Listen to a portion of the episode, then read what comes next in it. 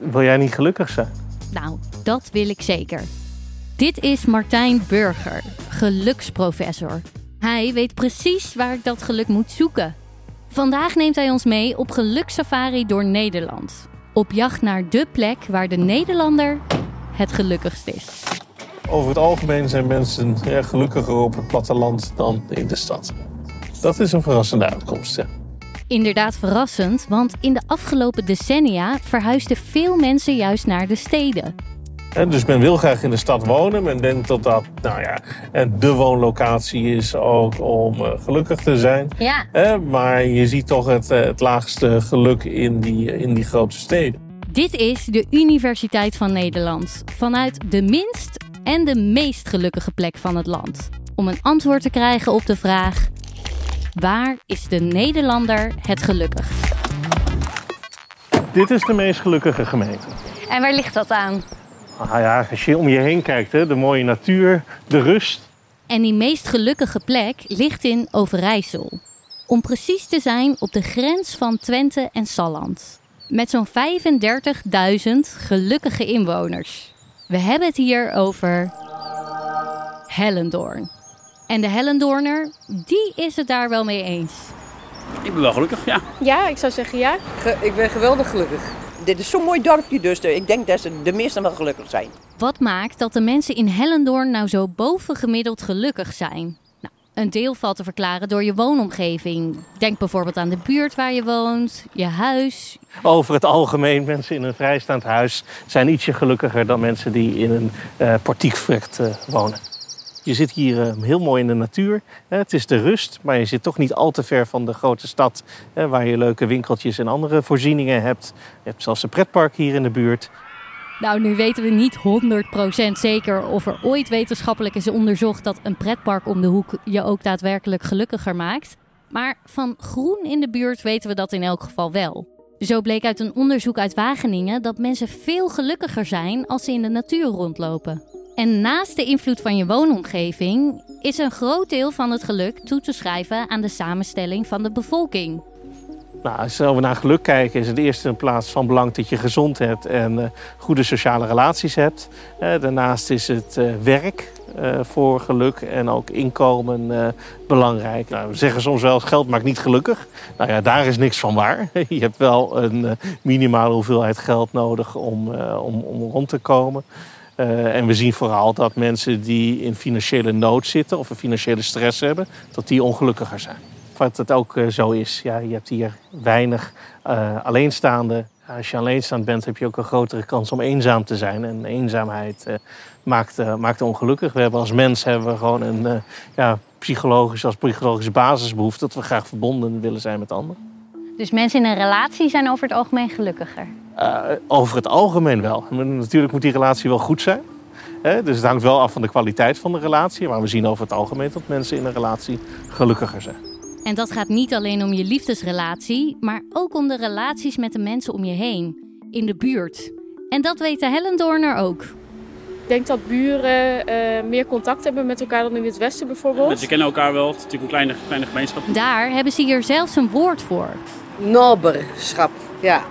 Dat is gewoon zorg voor je medemens. Noorbers, oftewel buren, die sta je bij met raad en daad als dat nodig is. En hier is dat vanzelfsprekend. De, in de buurt waar ik woon, eh, iedereen zorgt voor elkaar. Als je buurvrouw ziek is, ga je voor haar koken. eh, sociale contactjes, even een praatje, helpen in de tuin, weet ik het, ja. samen de streden aan. Dat gevoel van saamhorigheid is dus belangrijk. En volgens Martijn zie je dat ook in andere gemeenten die hoog scoren op geluk. We stappen weer in de auto en reizen verder. Op gelukssafari door Nederland. Als je kijkt eh, naar de top 10 gemeenten, zijn dat veelal landelijke gemeenten. Die niet al te ver van een groot centrum of grote stad af liggen. Denk aan, en vergeef me voor mijn uitspraak, Tietsterkstradiel, Kocheland, Lisse, Kaag en Brasem, Landert, Oorschot, Forst, Wierde. Stuk voor stuk gemeenten die ik, met mijn topografische kennis, niet zou kunnen aanwijzen op de kaart. Op eentje na dan. Nog heel even over Urt, want die vond ik heel verrassend dat die op nummer 2 stond. Heb je enig idee waar dat door kan komen? denk ik toch de, de sterke gemeenschapszin in Urk. En ook religie speelt daar natuurlijk een belangrijke rol. En eh, religie heeft een invloed op geluk eh, doordat het een bepaalde houvast eh, biedt in het leven. Maar ook dat het ja, de sociale relaties in, in een gemeenschap versterkt. Het is overigens wel een gemeenschap die tevens ook een groot wantrouwen heeft jegens de rest van de Nederlandse samenleving. Dus het is typisch een voorbeeld. Ja, met ons gaat het goed, wij zijn gelukkig, maar met het land gaat het niet goed. Grote vraag is nog wel, hoe meet je dat geluk? Wij maken gebruik van enquêtes die in Nederland worden uitgezet. Bijna een kwart miljoen Nederlanders vulden die enquête in. Er worden vragen gesteld. Hoe tevreden ben je met het leven als geheel? Eh, voel je je over het algemeen een eh, gelukkig mens? En om te kijken waarom sommige gemeenten gelukkiger zijn dan andere, maken we ook gebruik van eh, secundaire data van het Centraal Bureau voor de Statistiek. Over bijvoorbeeld de werkloosheid, het type huizen, het aantal alleenstaanden. En die gegevens combineert hij met data uit die enquête over het gemiddeld geluk. Om zo te verklaren waarom de ene gemeente gelukkiger is dan de andere. Daar blijkt dus uit dat dorpelingen over het algemeen gelukkiger zijn dan stedelingen. Toch hebben veel mensen het idee dat ze in de stad gelukkiger zullen zijn. En wetenschappers noemen dit de stedelijke geluksparadox. Martijn legt uit hoe die paradox ontstaat. Ik denk dat mensen bij de stad snel denken aan de leuke barretjes en uitgaansgelegenheden die er zijn. En, en, en ja, vergeten dat de stad ook nadelen heeft. Hè, dus een, dorp wordt vaak geassocieerd met hè, saai en eh, nou ja, daar wil ik niet doodgevonden worden. Eh, en de stad ja, is ja, the place where it happens. En, eh, Kijk, Amsterdam, Rotterdam zijn natuurlijk fantastisch qua uitgaansgelegenheden en winkels. En eh, als je daar veel gebruik van maakt, zal je ook ongetwijfeld gelukkiger zijn in Amsterdam en Rotterdam dan in Hellendoorn.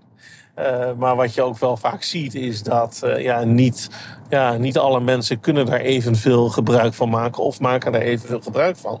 En dan zit je toch wat meer met de nadelen van de grote stad. Het is waarschijnlijk geen verrassing meer dat in de top 10 minst gelukkige plekken vooral grote steden staan. Dus als eh, Rotterdam, Amsterdam, Den Haag. Ja, dat, die vind je terug in eh, ja, eigenlijk de onderkant eh, van de ranking.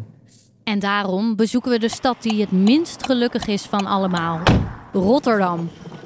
Let wel, deze gelukstrofee werd uitgereikt voordat Feyenoord kampioen werd. We weten dus niet zeker of het gemiddelde geluk sindsdien weer is gestegen.